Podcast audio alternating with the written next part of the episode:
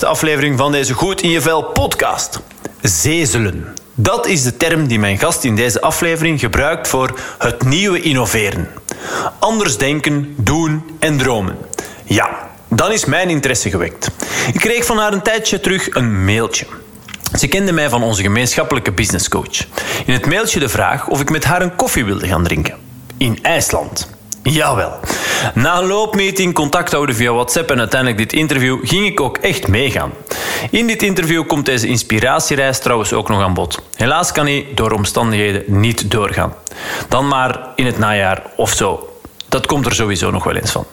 Maar zezelen dus. Het is iets wat volgens de wetten van de wetenschap onmogelijk is, maar in de natuur wel degelijk bestaat. Een combinatie van een zebra en een ezel. Als de zezel ons dus iets leert, is het wel dat niets onmogelijk is. Ook al lijkt het dat op het eerste zicht wel. Zezelen staat dus voor out of the box durven denken. Het geloof dat jouw dromen wel realiseerbaar zijn en de overtuiging dat een vernieuwende koers voor jouw bedrijf geen ver van je bedshow is. Genoeg stof om het naast de zaken die sowieso in de afleveringen van deze Goed in Vel podcast aan bod komen over te hebben. Oh ja, ik mag ook nog een exemplaar van Sarah's boek Zezelen, het nieuwe innoveren wegschenken onder de luisteraars. Woep woep. Trouwens, ideaal om in bad te lezen, want het is gedrukt op papier dat tegen water kan. Echt waar. Surf dus maar als de bliksem naar wordfit.be schuine streep zezelen en laat daar maar even van je horen, mocht je interesse hebben om dit te winnen, waar ik van uitga. Nadien gu je jezelf maar even een moment en laat je dan vooral maar inspireren door Sarah Pieters. Um, Sarah, allereerst bedankt om uh, even tijd voor mij vrij te maken. Dankjewel voor de uitnodiging. Met veel plezier. Um, Sarah, stel, jij ligt op je sterfbed. Hopelijk mag dat moment nog heel lang wegblijven. Hè? Maar stel, je ligt op je sterfbed. Welke dingen wil jij je dan vooral kunnen herinneren? Goh, dat is uh, meteen uh, een binnenkomer, zeg, uh, die vraag. Ik hoop dat ik op dat moment vooral kan terugkijken op een leven waarin ik um, vooral genoten heb. dat in eerste instantie. Um, en toch ook wel, ja ik ben iemand die heel erg gelooft in um, dat iedereen een bijdrage kan leveren aan een wereld in verandering. Dat iedereen een beetje zo'n wereldverbeteraar is. En dat is een beetje fluffy, ik weet dat. Maar dat is toch wel ook uh, deels mijn eigen missie. Dat ik hoop door wat ik doe, mensen aan te zetten om daarin te geloven. Dat ze echt wel ja, anders kunnen denken en kunnen doen. En dat ik hen daarin ja, mag begeleiden en kan inspireren om dat effectief waar te maken. En dat hoe groot of hoe klein dat in een impact ook is, um, op een positieve manier gerealiseerd kan worden. Dus ja, dat ik mensen daarin geïnspireerd heb. Uh, dat mensen zeggen van, oh ja, Sarah was zo de trigger om dat toch te gaan doen uh, en mijn steentje bij te dragen aan de wereld. Um, ja, dan zou ik echt blij zijn. Mm -hmm. Oké. Okay. Ja. Maar dat genieten, dat staat wel voorop. En genieten van wat? Wat? Algemeen van het leven, van de simpele dingen. Uh, de kinderen die dat ik heb, uh, echtgenoot. Uh, ja, ook kunnen genieten van um, een keer in de zon te kunnen zitten, om te reizen. Um, dat hoeft allemaal niet zo groot te zijn, maar dat kleine in het leven echt kunnen omarmen en te kunnen zeggen van ik heb niet in het verleden geleefd, uh, ik heb mij niet vastgehouden aan wat dat er verkeerd is gegaan. Ik heb niet te veel, wel grootste dromen gehad voor de toekomst, maar vooral ook in het nu kunnen leven. Ja. Oké. Okay. Alright, ja, dat zijn, zijn mooie, mooie dingen die ik, u, uh, die ik u hoor zeggen en waar ik ook uh, zo dadelijk graag nog wat verder op inga. Uh, maar voor degenen die jou ehm, niet kennen, wie is eh, Sarah Pieters? Ja, Sarah is uh, de dame achter Red Zezel. Uh, dat is bij sommigen iets meer bekend dan Sarah Pieters, want Sarah Pieters is geen unieke naam, helaas, nee. in België of in Vlaanderen. Ja. Um, ik ben een innovatie-experte en ik help bedrijven, organisaties om nieuwe producten, nieuwe diensten, nieuwe business models te ontwikkelen. Um, en dat gaat vanaf de innovatiestrategie tot aan de business case, dat ik die trajecten begeleid. Ehm, dat is deels heel erg op het proces gedreven, maar voor mij daar even belangrijk aan gekoppeld is ook de mindset van mensen waarop ik wil werken. Dat mensen terug ja, die creatieve capaciteit gaan ontwikkelen die dat er in hun zit. En een aantal andere, ja, ik noem dat altijd 21st century skills, die dat zo in het onderwijs typisch niet naar boven komen, of waar dat er weinig ruimte is voor, uh, voor is, maar dat je in een bedrijfsleven echt wel nodig hebt, daar probeer ik op in te zetten. En die balans te vinden tussen mensgedreven en procesgedreven. Mm um, daar hou ik me mee bezig. Um, dat is een stukje van waar ik mee bezig ben. Ik ben ook iemand die heel graag reist en dat een beetje heeft verwezen in waar ik mee bezig ben. Omdat ik ook inspiratietours organiseer naar plekken die volgens mij ja, gewoon qua innovatie, vernieuwing, zo ja, mindblowing zijn, die mensen kunnen prikkelen omdat ik ook heel erg geloof in die inspiratie als acceleratie voor innovatie en voor vernieuwing. En dan tot slot, ja, ik ben iemand die graag in beelden denkt. Dus ik ben een visual recorder die er heel graag papier en stift bij neemt om alles in plaatjes te zetten en eenvoudig te maken. Op een andere manier te communiceren. Ja, okay. dat is in een nutshell waar ik mee bezig ben. Ja. En oké, dat, dat is dan een beetje jouw professionele... Hè? Dat is een omschrijving van waar jij professioneel mee bezig bent. Als ik dan want goed, je hebt ook um, de mens achter, eh, achter het zevel. Ja. En, en als, ik dan, als we daar meer naar kijken, wie is dan Sarah Pieters? Oh, Sarah, dat is uh, iemand die altijd heel gedreven is in alles wat ze doet. Dus ook in privé. Um, qua hobby's, als je daar zou naar peilen, ik ben iemand die uh, graag actief sport. Ik ben niet iemand die lui in mijn zetel zit om mensen te zien sporten. Uh, daar krijg ik meestal op mijn zenuwen van. Um, ik loop graag. Uh, vroeger één keer een marathon gelopen, daar heel lang naartoe gewerkt. En ik heb toen gezegd van, oh, ene marathon in mijn leven wil ik lopen. En ik kwam binnen en ik heb toen gezegd, ooit loop ik er nog ene. Dus uh, dat is nog een van mijn uh, wishlist die dat ik moet afpunten ooit in mijn leven. Okay.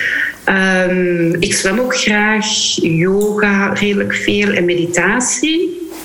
Um, denk dat ik uh, in ons voorgesprek ook zo'n beetje zei van dat ik mezelf soms benoem als een health freak.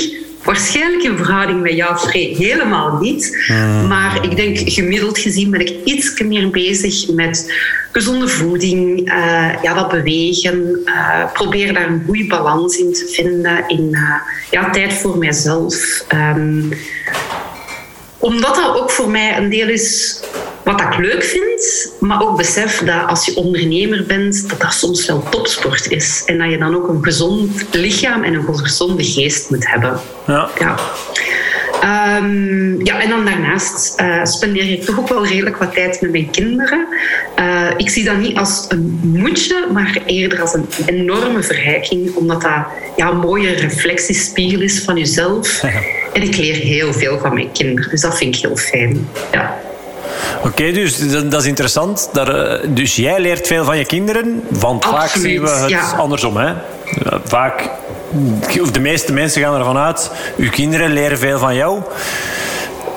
Al, hè, de, van, van de ouders. Jij als ouder leert veel van je kinderen. Ja, ja, ja, dat gaat over kleine zaken die dat je, als je daar echt naar kijkt, hoe dat die in het leven staan, dat je denkt van, ah ja, maar dat ben ik eigenlijk verleerd. Zoals bijvoorbeeld dat in het nu zijn, een kind kent eigenlijk alleen maar het nu.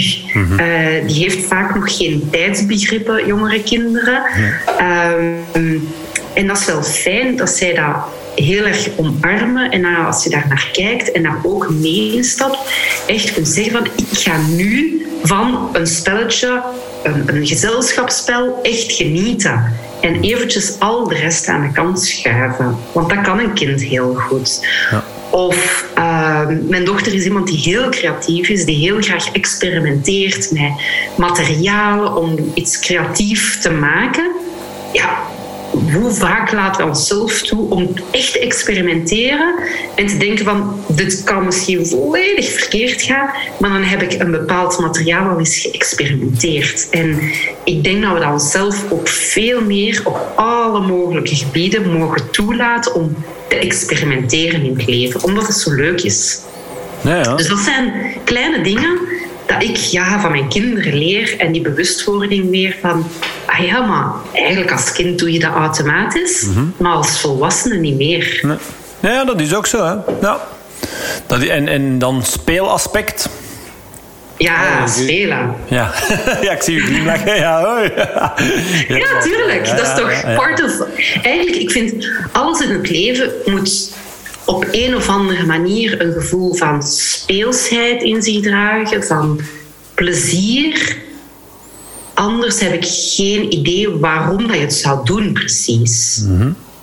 Ehm, en er zijn altijd klusjes die misschien minder leuk zijn, minder tof zijn.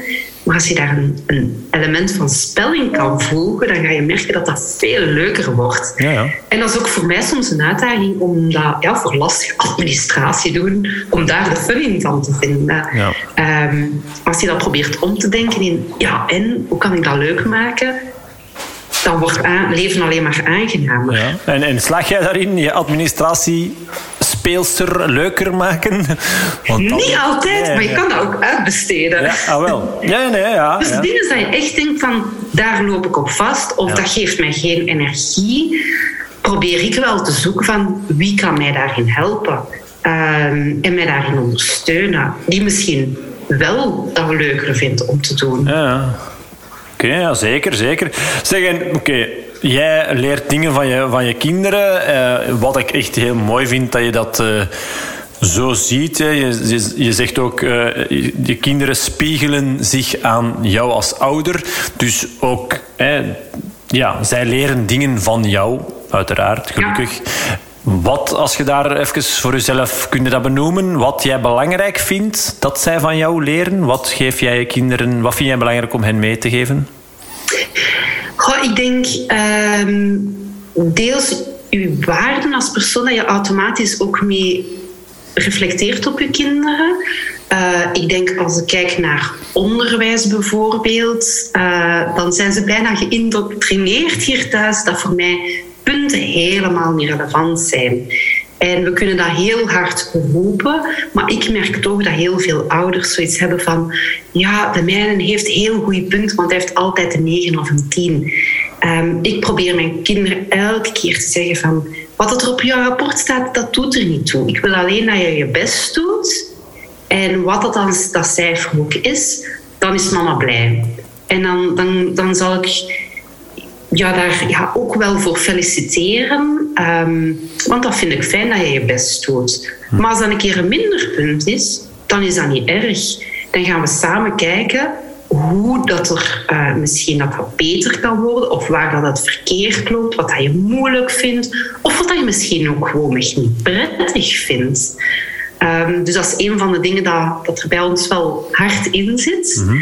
En ik denk een tweede belangrijk aspect is het omarmen van elk talent. Ehm, en niet alleen het talent op school van ik kan goed wiskunde of ik kan goed lezen, maar alle andere talenten. Ehm, persoonlijk vind ik dat we in ons onderwijssysteem daar te weinig op inzetten, ehm, te weinig oog voor hebben.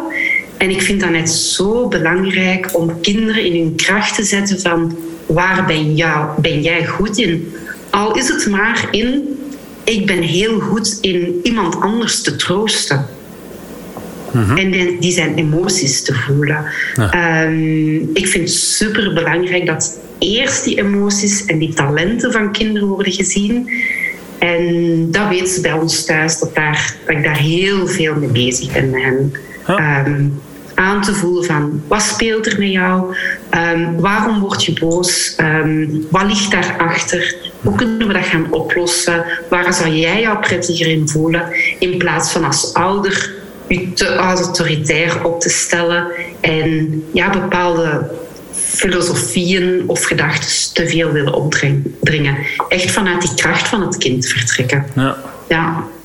Wel heel mooi inderdaad, want, en belangrijk, want ik merk dat Ja, ook bij mezelf, ehm, ik, ik, ehm, maar ook bij cliënten van mij, dat dat. dat ja, wij zijn denk de generatie van, van onze ouders, die zijn opgevoed door uh, mensen die de oorlog hebben meegemaakt. Mm -hmm. de, de groot, onze grootouders hebben ja, ja. wel de oorlog uh, meegemaakt. Die, die, goed, die zijn uh, zo hard opgevoed. Dus onze ouders zijn opgevoed van werken, werken, werken. Ja. Um, en, en ook, maar daar op zich niks tegen hard werken. Integendeel.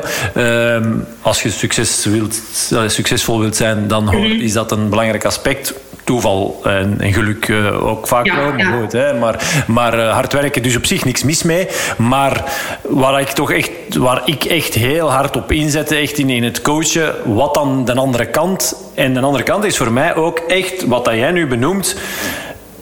Die emoties kunnen benoemen, die, die durven voelen, die toelaten, die niet wegcijferen, niet onder, mm -hmm. onder, onder, de mat vegen of, of, of zoals wij, hè, ga maar slapen en dan morgen is dat vergeten en vergeven, dan zijn die wel weg, die mm -hmm. verdriet, boosheid, weet ik veel, hè, die, die ja. negatieve emoties.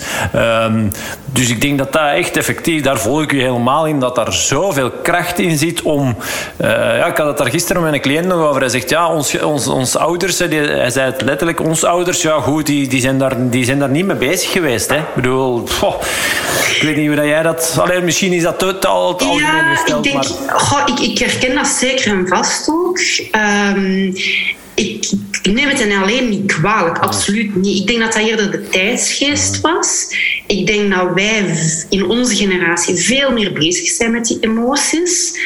En de reden waarom dat ik voor mijzelf het zo belangrijk vind dat zij zelf hun emoties leren begrijpen, leren te voelen en vervolgens ook hun talent proberen echt te omarmen en te zoeken van wat word, waar word ik blij van? En in welke situaties ja een beetje wat we professioneel de flow voelen uh, van op professioneel vlak dat ze dat heel vroeg al meekrijgen en dat echt zeggen van daar blijf ik in gaan, daar blijf ik in geloven ook al is dat misschien niet wat dat de maatschappij als de norm ziet. Mm-hmm.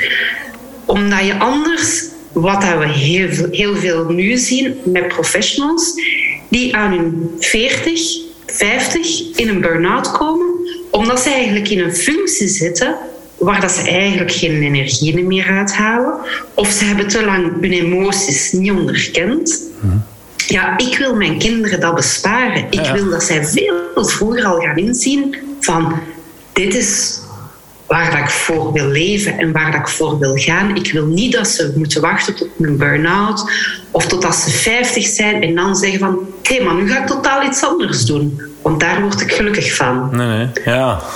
Zo zijn er kei veel mensen, dat is eigenlijk toch echt ja, raar. Ja, op zich vind ik dat... Ik vind dat ja, ja tuurlijk. Ja, als, als jij raar, maar, goed. zegt... Ja. Op, ik heb... Eh, zeg maar, je hebt universiteit gedaan, je studeert af. En na een paar jaar kom je erachter van... Ja, eigenlijk dit beroep, ik vind dat te saai. Ik vind dat niet leuk. Maar ik zou heel graag naaister willen worden. Want in mijn vrije tijd doe ik dat graag. Mm -hmm. Ik vind dat leuk ja, why not? Als je daar blij van wordt, wat zou jou tegenhouden want dat komt terug op je sterfbed. Inderdaad, ja, als je op je sterfbed kunt zeggen van... Ik heb gewoon gedaan waar ik gelukkig van word. Hoe zalig is dat gewoon echt? Ja, ja, ja. Ja, dat is echt wel... Um... Ja, ik, ik coach vooral dan, dan ondernemers. Dus, dus daar zie ik het ja, ook gebeuren. De, de, maar ik, ik zie het wel gebeuren bij, en dat vind ik eigenlijk nog, nog zotter, dat je dan je eigen bedrijf hebt en dat je dan tegen een burn-out aanloopt in je eigen bedrijf. Dat zie ik dan toch, die komen dan vaak bij mij terecht. Dus dat, dat, uh, maar wat ik wou zeggen, dat, uh, ik, ik zie dat ook wel vaak bij, bij um, ambtenaren. Ik weet niet. Ja. Die, die dan zo in een veilig nest zitten en zo hard denken van... Ja, maar ja, goed, nog... Maar dat kan ik dus niet verstaan. Nog 15 jaar doorbijten om, om maar even... En dan heb ik een, een, een goed pensioen. Want als ik nu, nu nog die stap zette en dan, ja, oei, wat, dan met mijn pensioen? En dan, ja, ik ben 50 jaar en dan zou ik dan toch nog... Dan denk ik, mag alleen op 15 jaar doorbijten en eigenlijk effectief echt dingen tegen een goesting doen. Ja. Allee, ja, dat... dat, dat, oh, dat, dat, dat is... Ik denk dat dat een enorme rem is op je leven en tegelijkertijd dan leef je niet in het nu. Want binnen 15 jaar, we weten allemaal, de wereld verandert zo snel. En waarschijnlijk je geld op je bankrekening op dat moment. Wie zegt dat je daar nog iets mee kan? Wie zegt dan dat je nog altijd dezelfde levensstandaard hebt? En ik denk ergens dat we dat materialisme, waar dat we heel erg afhankelijk zijn, maar ook wel de enorme sociale druk van we moeten een huis hebben, we moeten dit hebben, we moeten op vakantie gaan, we moeten dit doen. Dat we dat voor onszelf een beetje mogen loslaten en zeggen van wat als, wat als ik morgen geen huis meer heb? Wat als ik dat opgeef? Um, ben ik bereid vanaf nul terug te beginnen? Mm, ja, goede vraag. En daar compleet tevreden mee te zijn. En dan is het ook maar zo. Ja, dat is. Uh, ja, ik, eh, ik, ik, dit komt bij mij wel uh, binnen, moet ik zeggen, in die zin dat dit voor mij echt iets is waar ik ook wel um, over ja, over nadenken. En ik voel dat wel als ik, als ik het u hoor zeggen. Uh, en het is iets wat ik bijvoorbeeld... Uh, ja, Veronique zit heel hard... Mijn, en mijn vrouw uh, is, hecht veel meer belang aan veiligheid. Ik bedoel, uh, als, als, als ik kijk naar... naar ik, ik werk met de Schwarzwaarden. Dat zijn persoonlijke basiswaarden die wij als mens hebben. heel heel sterk onderbouwde theorieën mm. rond persoonlijke basiswaarden. En, en dan als je dan die cirkel bekijkt... Ja goed, ik zit eigenlijk ja, van boven Ehm, zelfsturing vooral, ook wel uh, daar vooral. Zij helemaal tegenovergestelde rechtsonder op veiligheid meer. Um, dat, dat, ja, dat botst ja. Maar goed, we hebben, daar, we hebben dat inzicht, we weten dat van elkaar. We, we proberen elkaar, uh, ons daarin te leven en dat brengt ons mm dichter bij elkaar. Dus op zich hebben wij dat wel, wel goed op orde. Maar ja, als je dat dan dit, ik, ik zeg dat wel eens. Van, ik zou ook gewoon kunnen leven uh, ergens in een caravannetje, uh, in, in bos op of, of ergens. Uh, bedoel, ja, ik, ik zei ja, maar, maar wow, Veronique bijvoorbeeld totaal niet. En, en, dus ik, als jij dat nu zegt, van stel dat je effectief je huis, geen huis meer hebt. Ga je dan, en ben je dan bereid om terug van nul... Ja, bereid wel, denk ik. Maar goed, is, hoe, stel dat dat echt gebeurt. Dat is toch wel uh, ja, een binnen... Allee, dat komt wel binnen bij mij, moet ik toegeven. Dat zal vast, denk ik, op dat moment heel erg binnenkomen. En dat, dat wordt schakelen. Mhm. Langs de andere kant... Um, ja, ik heb altijd zoiets van... Als er één poort zich sluit, dan gaat er wel iets anders op je pad komen. En ga je misschien beseffen dat met minder het ook oké is. Um, en ik, ik, heb altijd zo'n beetje het, het voorbeeld um, van iemand in gedachten. Dat is uh, de gids waarmee dat ik samenwerk in IJsland voor mijn tours. Mm -hmm. Vlaming die kinderen is gaan wonen in een klein dorp. Uh, met zijn familie, twee kinderen, heel jong nog. Maar die heeft leeft hij in armoede? Absoluut niet. Maar die leeft wel in een dorp dat als je zegt van uh, ik heb een nieuwe broek nodig, dan kan je kiezen tussen de goedkope versie of de dure versie. Of als kinder, de kinderen nieuwe schoenen nodig hebben, is er één winkel waar je schoenen kan gaan kopen. En ja, in het dorp lopen heel wat mensen met dezelfde schoenen rond.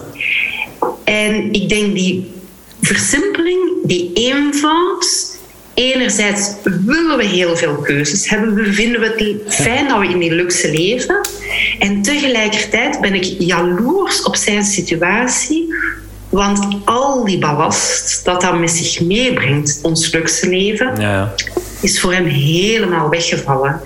En die stuurt mij dan mails midden in de winter en dan stuurt hij: Sarah, ik ben vandaag uh, terug één piste kunnen gaan skiën oh. met mijn oudste dochter. Wat kan een vaderhart nog meer wensen? En dan denk ik van, even begrepen wat het leven ja, draait. Ja, Al die ballast is weggevallen. Mm -hmm. Ja, ja. Um, dat is mooi. Ja, dat... Dus ja, ik, ik, denk dat het is erg die, die balans vinden natuurlijk. Hè? Ja, zeker. Ja, ja ik, uh, ik had... Uh, Vera Smets, uh, net zoals bij jou misschien, de, de naam van haar, eh, van haar bedrijf, Finance is Fun, misschien gekender dan haar uh, persoonlijke naam ja. bij jou, Red Zezel, zoals je zelf aangaf. En zij zei dat ook van, ja, wij wonen niet in het, in de mega villa. We hebben gewoon een, een, een rijhuis, een, niet al te groot huis, maar, maar dat is perfect oké. Wij gaan niet, uh, niet skiën, maar we hebben wel bijvoorbeeld dagelijks een huishoudster in huis. Allee, bijvoorbeeld. Um, dus ja, het is ook gewoon waar, dat je, je, ja, waar dat je belang aan hecht. En, en moeten groot wonen, moeten een vrijstaand huis hebben of niet. Of, of, en, en, en, ja, ik denk dan ook, ik heb bijvoorbeeld ook ehm, een hele kolle opruimcoach geïnterviewd. En daar dan, dan denk ik eh, dingen wegsmijten. Dus ik ben nu zelf bijvoorbeeld, um, heb ik, um, wanneer, ja, nog niet zo heel lang geleden, het zal begin maart geweest zijn, denk ik, dat ik, dat ik echt eens voor mijn kleerkast stond en echt belach, ik heb echt belachelijk veel kleren. Dat, dat, dat moet ik toegeven. Dat, hoeveel t-shirts zou ik hebben? Dat zullen er... Oh, durf het bijna niet te zeggen, maar dat zullen er meer dan 60. ik denk dat dat echt vijf stapels is. Allee, weten we, dat zijn er echt... Hè, en, broeken, dat zijn er 15. En schoenen ook. Keuzestress morgens. Ja, nee, dat niet. Maar, maar dat je, je doet gewoon zelfs niet alles... Je doet niet alles aan. Hè. Ik bedoel, echt waar. Hè. Ik bedoel, ik doe uiteindelijk altijd... Ik doe dikke zekje over mijn hemmetje, zo dat vestje. En dan, ik heb dat dan in het grijs en in, en, en in, in, in, in het donkere grijs, bij wijze van spreken. Je pakt ook altijd datzelfde. Dus ik heb nu echt gewoon tegen mezelf gezegd, ik kan eens een jaar geen kleren kopen. Ja. Ja, en... En ik, ik kan me voorstellen dat dat voor sommige mensen echt... Uh, ja, als een choco binnenkomt, van... Wat? Um, maar wow, I, couldn't care less. Allee, wat, oh, kleren, dat is ook zoiets. Ja, allee, dus dat is, ik snap u wel volledig. Ik, ik, ik voel je daar wel. Met minder tevreden moeten, moet ik 60 t-shirts of meer t-shirts hebben liggen? nee. Allee, dat is zo... Ja, ook op als je op reis gaat. Ik had, uh, ik had uh, vorige week een cliënt die waren dan uh, tijdens de paasvakantie... Weekje weg geweest en dan hoeveel kleren dat je dan eigenlijk ook dan meepakt om dan eigenlijk terug te komen en de helft terug gewoon in de kast te kunnen leggen. Ja, dat doe je dan misschien niet, maar dan... Hè, want, want je denkt, oh, en dat en dat. En uiteindelijk doe je het gewoon ja, met drie shortjes. Ja, en, ja, klopt. helemaal. ja. Dus zo dat materialistiek, ik, allee, daar volg ik je wel echt helemaal in. En hoe iedereen kan dat voor zichzelf uh, uiteraard... Uh, de ene vindt dat belangrijker dan de andere, maar ik denk dat het... Ja, die waarde waar je het over hebt en, en uh, het kunnen voelen van emoties en, en daar die kunnen uiten en, en um, doen waar dat je blij van wordt en, en, en ja, dat soort dingen dat dat um, op termijn, als je dan inderdaad terugkijkt op je sterfbed, dat dat belangrijkere, mooiere, waardevollere dingen zijn dan ja, het materieel. En ik denk ook, het is niet de boodschap van dat je die dingen niet mag hebben of jezelf niet mag gunnen. Integendeel. Maar wel de gehechtheid eraan, denk ik. Um, En de noodzaak van ik moet dit, want uh, dit staat beter naar de buitenwereld. Um, dat vooral gewoon. Ja, ja, dat is, ja, dat is dan ook weer, weer al wel een beetje um, dubbel. Ik heb, ik heb dan, zoals ik er straks zei, um, ja, um, Caroline Carpentier uh, geïnterviewd. die heeft meegedaan aan uh, Blind Gekocht. Mm -hmm. heeft in het nieuws in de media, 1 miljoen euro voor een huis. Ik, had het, ik had het daar met haar over, maar vanmorgen ook bijvoorbeeld nog met een cliënt van over het, het willen ooit kopen van, van een Ferrari bijvoorbeeld. Of, je kunt dan zeggen, um, daar ging ik dan met mijn cliënt over van, van oké, okay, heb je dat als doel? Maar niet per se om daar dan voor het terras uh, uw vrouw mee te kunnen afzetten. Dat iedereen het gezien heeft dat jij een Ferrari heeft. Ja, ja. Uh, zijn onkel bijvoorbeeld heeft vroeger uh, geraced. Zijn bedrijf ook goed kunnen verkopen. En, en beginnen autoracen. Hij ging als klein jongetje mee naar circuits. Mm En zou gewoon echt het ongelooflijk tof vinden om met een bepaalde type Ferrari, Porsche of whatever circuits te kunnen gaan, gaan doen en zo. En hij, die, die, die, die grens daar ook in te zoeken. En, en eigenlijk echt ja, zwart, die kiek en zo. Allee, dus ja, dat is, dat is natuurlijk... Ik, ik vind ook wel ergens dat je als je... Um, als je succesvol bent, want dat wordt in Vlaanderen ook wel zo vaak toch nog wel... Um, ja, hoge bomen vangen veel wind, dat, dat, dat weet ik. Maar als je dan succesvol bent en je kunt dan iets meer permitteren dan anderen misschien en je durf dat dan te doen, want dat is precies al durven. Hè. Een mhm. Ferrari kopen, allee, hè. Ja, ik ken nog zo iemand, ja, een Ferrari en een, eh, en een, een Porsche Cayenne en een, een Audi R8 en toestanden. En, dat is, daar is dat dan wel meer voor, voor om te denken dat hem daar dan zich beter door gaat voelen. Maar dat kan ook gewoon ja, dat hoeft niet per se. Allee, ik vind dat soms wel dubbel zo. Soms... Oh, het is dubbel, hè. Want ik kan me inbeelden, iemand die, die al van heel jongs af aan heeft gedroomd van zijn eigen Porsche. En die spaart daar jaren voor en die kan die kopen. Maar die doet dat voor zijn eigen, omdat wel, hij daar ja. zo, gelukkig van wordt. Ja, dat snap ik. Ja, ja. Tuurlijk, tuurlijk. Dat kan, hè. Nou ja. Ehm, Maar als voor de, voor de, voor, hey, ik denk dat, dat dat herken ik dan bij sommige van mijn cliënten ook wel, dat ze dat dan hebben in het verleden heel vaak gedaan, omdat ze dan dachten dat als ze dan de zoveelste auto erbij konden zetten, dat ze zich dan wel veel beter zouden voelen. En dan moeten ze tot de conclusie komen op een gegeven moment, ja, dat is het dan Ja. toch niet Ja, inderdaad. En ik denk dat dat in alle opzichten is dat je elke keer moet reflecteren van ja, doe ik dat omdat ik zelf mij daar goed bij voelt of zelf dat wil? Of is dat, dat omdat de maatschappij mij dit als norm opdringt, Ja. als wenselijk, als aanvaardbaar, als hetgeen wat aan mij ja, een beetje wordt opgedrongen door de rest? Ja. Ehm, ik kan daar misschien een klein bruggetje maken van, van... Het is heel onnozel, maar wat voor mij heel belangrijk is. Dat zijn schoenen. Mhm. Ja. Ik hou van schoenen, Uh-huh. Alleen ik doe ze niet graag aan. Oké. Ik vind, ik vind hakken dragen verschrikkelijk gewoon weg. Ehm, en dat, heeft te maken met, met waarschijnlijk ergonomie ook gewoon wegdeels. Maar ook eh, met het niet geaard zijn als ik op hakken sta, als ik verhoogd sta Ja, ja. gewoon weg.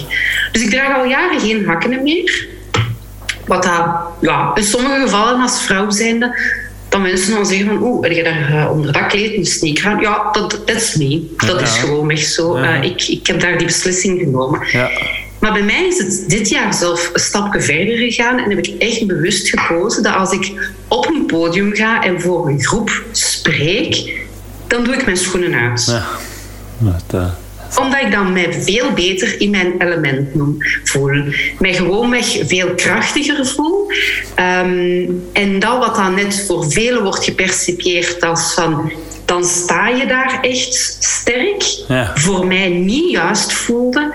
En pas juist voelde als ik alles, ja, gewoonweg met mijn blote voet daar sta. En ik heb het nog meegemaakt vorige week. Inderdaad, ik had het toen niet benoemd waarom dat ik geen schoenen aan had. Ik heb nadien heel veel vragen gekregen van mensen die zeiden van... Waarom draag jij geen schoenen aan? En als ik het verhaal vertelde, iedereen zei van... Oh ja, maar ik snap me helemaal. Ja. Ehm, fantastisch dat je die keuze kan en durft te maken. Ja, ja. En dat zijn drempeltjes dat je over moet eh, en, en loslaten van wat gaan anderen van mij vinden, maar vooral van voel ik mij daar beter bij. Mhm. Ja, ja. Dat vooral. Als, als interne kompas. ehm, ja, niet hard. Ja.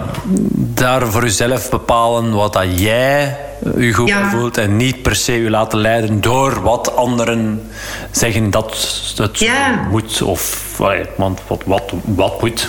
Allee, ik vind dat echt wel sterk. Dat je, maar ik kan me wel voorstellen, en ik denk dat dat dan misschien toch wel ook voor jezelf een, een les is geweest, van dat even te kaderen. Want als jij, want ik, kan me, ik weet, ja, dat heb je nu nog niet benoemd, maar jij geeft best wel presentaties in redelijk grote bedrijven. Ja. En als je daar dan effectief ineens op je blote voeten staat. Ik heb ook al wel eh, inderdaad eh, in zo ja, grote bedrijven eh, op een podium. Ja, goed. Ik, ik, kan me, ik, weet, ja, ik kan me perfect voorstellen als het kadert. ja. Nadien dacht ik van ja, moet ik het effectief elke keer benoemen? Ik denk niet. in sommige settings waarschijnlijk wel. Mhm. Maar in sommige, zoals hier, ik had nog een ganse nacht dat er eh, een, een... Ja, het was een evenement van een volledige dag. Ja. Dus ik had nog een volledige dag om tijdens de, de lunch, eh, de koffiemomenten, eh, te praten met mensen. Ja, ja. Dus ja, Ja, er ja. kwamen heel veel mensen af. En die begonnen heel onnozel over mijn schoenen, om vervolgens te gaan over waar dat ik het echt over had gehad. Ja, ja, Dus het was ook een heel laagdrempelige manier om mensen mij aan te spreken en omgekeerd. Ja, ja, dat is wel slim eigenlijk. Maar, Ja. ja, maar het was niet, niet ja, dat was geen bewuste tactiek. Of- Nee, nee, nee. Het was eerder achteraf ja, dat, dat viel van... Ah ja, ik heb het inderdaad deze keer niet benoemd. En vandaag zijn er veel mensen naar mij gekomen. Ja. Ja, ja, ik kan het zeggen, maar het hoeft niet per se. Nee, nee. Zwaar. Dat is eigenlijk eh, misschien beter niet. En als je, zeker op zo'n event, ja, ja, want Ik heb ook al wel eens op een event gesproken dat, dat dan de volgende spreker al direct klaar staat om naar jou te komen. En dan dat jij gewoon bij wijze van spreken ja, de zaal verlaat, de, uh, leaving the building. En, uh, dat is dan anders. Dan is dat een andere, andere situatie. Ja, ja, nee, nee, dat is waar. Ja, oké, goed. Right, zeg. En uh, je bent ehm, innovatie-experte. Ja. We zijn 2022. Wat als we dan even kijken, het is wel iets wat mij boeit, daarom deze vraag. Wat, wat is, deze, wat is er, uh, wat, wat is innovatief of is dat te moeilijk? Is dat, is dat te, te algemeen, die vraag? En kan, moet je zeggen van ja. Goh, bedoel je meer algemeen of eerder naar voorbeelden of zo? Ja, nee, eh, ja eerst algemeen en dan, dan mag je zeggen. Ja, um, voor mij innovatie. Um, ik probeer ook een beetje mensen te zeggen van kijk, innoveren, daar moeten we mee stoppen. Want dat is zo'n containerbegrip. Ja. Uh, heel veel verkeerde associaties. Dus ik noem het nu zezelen. Um, Dat is ook mijn methode. Uh -huh. Die dat ik in mijn uh, boek, ik zal het even uh, tonen. Zien, ja. Mijn boek Zezelen, Zezelen het nieuwe innoveren. Wacht, ik kan uh, benoemd. Het is trouwens ook een werkwoord. Ik zezel, jij zezelt, hij zezelt. Ja. Um, beschrijf dat ja, innoveren, worden we, denken we vaak aan alles RD die bezig is met technologische innovaties. Of dat is één departement in onze organisatie, in een dienstomgeving, is dat vaak de marketingafdeling dat daarmee bezig is. Terwijl voor mij dat CESEL gaat over heel breed dat je gaat kijken van hoe kunnen we het anders gaan doen? En dat is dat anders in bedrijfsprocessen, in misschien je producten of in je diensten, uh, maar in manier van samenwerken. Uh, ook anders gaan denken, die mindset vooral uh, anders gaan aanwenden. En ook anders dromen. Dus voor mij hoort dat er heel duidelijk bij dat we mogen die grootste gekke dromen te omarmen en te zeggen van ja, als dat een droom is die in ons hart leeft, dan moeten we die gewoon weg omarmen. En dan moeten we die niet zeggen van oei, die schrikt ons af. Uh, of wat gaat de buitenwereld daarvan vinden? Of hoe kan ik die praktisch realiseren? Probeer die dan in stapjes te zien van hoe kan je die concreet maken. Ja. Ja, ja. Ja, ja. ja. Dus voor mij het is een begrip dat heel breed wel is, mm-hmm. maar waar dat ik wel probeer in hoe dat ik het benader, heel hands-on probeer te kijken naar waar sta jij als individu of waar sta jij als organisatie? Waar wil jij graag naartoe gaan? Waar wil jij die verandering betekenen in de wereld? En voor wie is dat dan? Mm-hmm. En hoe kunnen we daar in stapjes naartoe werken? Hoe kan ik jou helpen om dat te bereiken in je proces, maar ook vanuit je mindset als bedrijf? Interessant, ja. En, en als je dan. Um, dus wie is jouw ideale klant? Is dat, zijn dat dan echt grotere bedrijven? Zijn dat dan toch, of zijn dat dan eenmanszaken? Ideale klant is denk ik tussen zo een corporate en, en een KMO. Dus een grote KMO. Uh, waarom zeg ik dat? Omdat corporate weet je dat de, de lijntjes heel lang zijn. Dat uh, als je daar een traject begint, dat je ik, ik, wil altijd het topmanagement mee hebben. Want als je op het einde van de rit daar iets nieuws hebt klaar liggen, dan mag dat niet als een pudding in elkaar vallen als ik wegga. Dat moet echt doorgezet worden. En die vernieuwing moet blijven leven gewoon. Dat moet geïmplementeerd worden. En dat is in de corporate soms wat moeilijker. Um, daarom dat ik liever werk bij zo'n KMO-omgeving, waar dat je van weet, het management is die een ondernemer of ga echt zeggen van we gaan ook echt doorpakken en we gaan er niet aan de slag gaan. Mm. En dan liefst van al werk ik in een, in een sector of in een bedrijf dat zegt van ja, wij willen die, die positieve impact maken. Ik wil niet in een, een chemisch bedrijf gaan werken waar dat gaat over wij willen, willen meer plastic gaan maken. Ja, okay. Een chemisch bedrijf die mij zegt van ja, wij maken op dit moment veel plastic, maar we willen net gaan zien hoe dat we kunnen gaan verduurzamen. Ja, tuurlijk, absoluut. Daar wil ik graag terechtkomen. Daar wil ik heel graag helpen. Um, dus voor mij, die startintentie van mijn klanten hm. is ook een een check die dat ik altijd doe als ik een intakegesprek heb.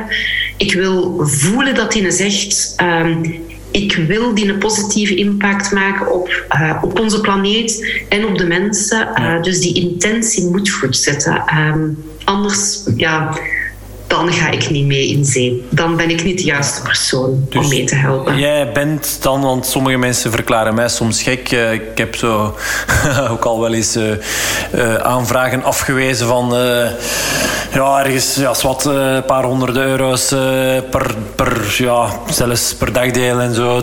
Ja, van dat niet te gaan doen, omdat dat gewoon niet, niet, niet goed aanvoelde. En, en, en ze, mensen verklaren, als je dat tegen sommige mensen zegt, dan zeggen ze, wat? Je bent zot zeker? Eh, dat laat het toch niet liggen, zoiets? En dit dat, ja. Eh, dus jij bent ook zo iemand, ben daar dan, dan toch niet alleen in. Ja, ook toch wel. Ik, ik denk dat dat ook is doordat je... eh, ik ben nu elf jaar bezig. In het begin automatisch zeg je op elke mogelijke Ja, opdracht. ja, ja. Ja, dat doe ik. Ja. Maar je leert ook dat bepaalde opdrachten, dat je denkt van ja, maar en wat is daar dan gedaan met die uitkomst? En het was eigenlijk alleen maar voor de KPI's af te vinken. En voor, omdat het mooi staat op een papiertje achteraf. Ehm, ik word er niet gelukkig van achteraf. Ik word gelukkig als een klant mij een jaar of twee jaar later belt en zegt van zeg, we zijn daarmee bezig en daarmee bezig.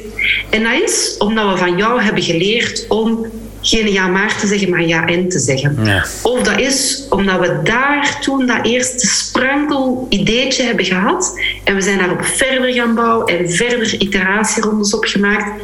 En kijk eens wat dat we tot nu toe hebben bereikt dan ben ik heel blij, want ik ben in een, ja, dat is in een spark geweest of in een accelerator in dat bedrijf om naar iets nieuws toe te werken.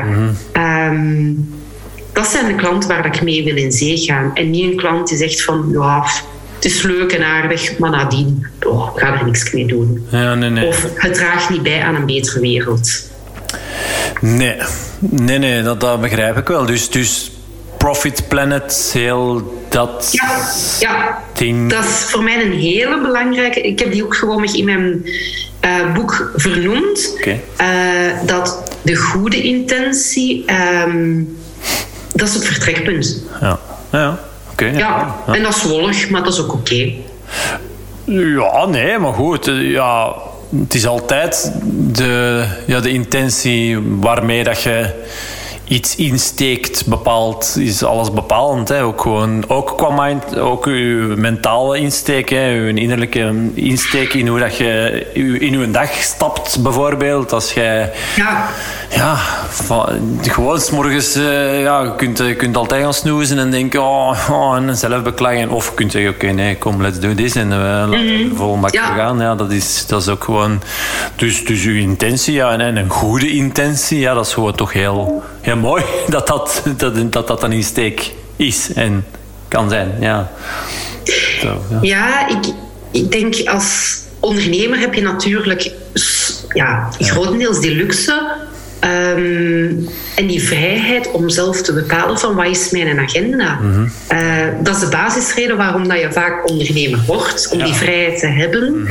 Eh, maar je moet die dan ook wel claimen en op bepaalde momenten ook zeggen van ja, nee, nee dit is niet wat dat bij mij past gewoonweg. Ja. Ehm, dat is niet altijd gemakkelijk een nee zeggen. Nee. Maar als je het niet doet op dat moment, ga je achteraf denken van oh, dat was een lastige klant of wat heb ik hier gedaan vandaag? Ehm, dat is niet de bedoeling.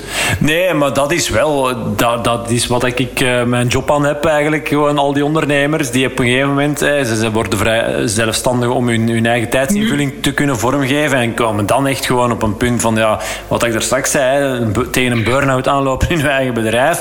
Eh, veel moeten, moeten, moeten, nooit eigenlijk Ja. kunnen echt gewoon eh, zelf kiezen, eh, brandjes blussen, er voor iedereen zijn.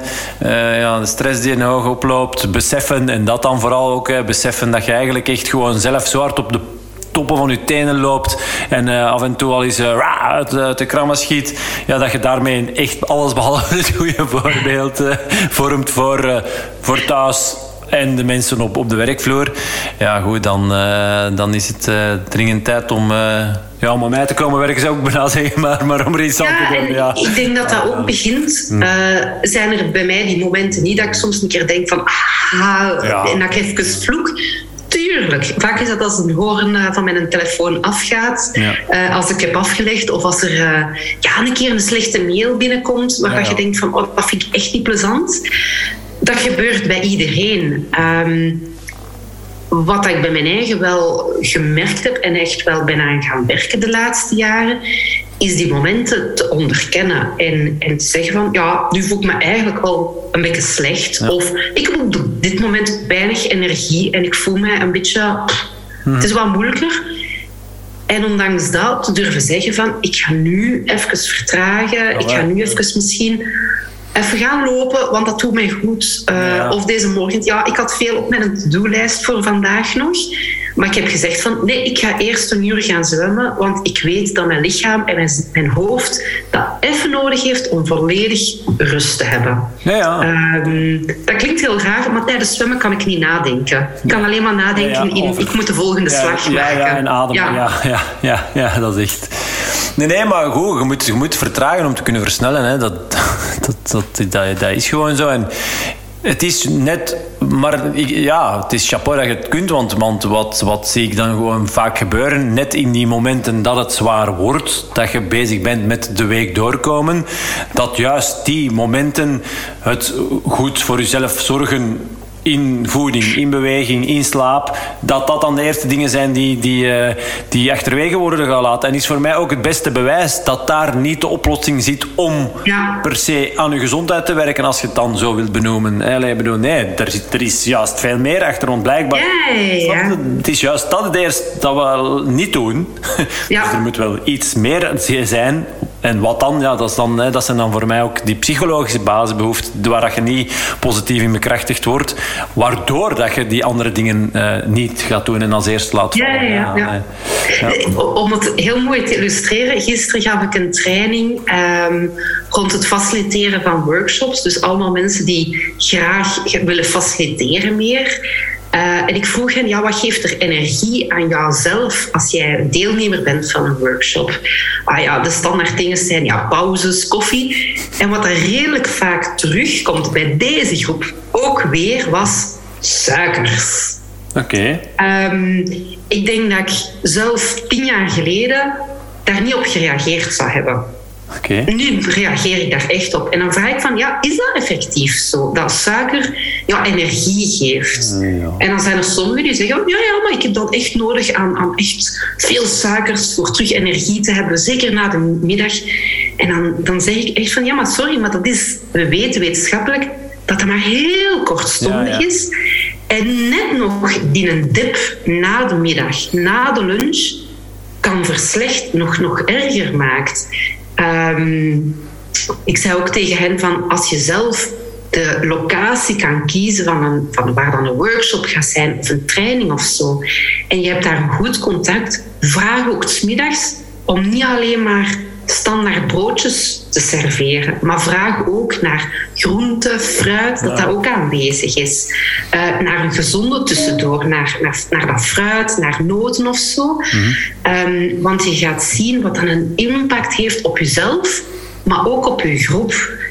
En um, natuurlijk, omdat dat niet direct in de aard ligt van een facilitator om ook aan die zaken te werken, vergeten we dat. Ja, ja.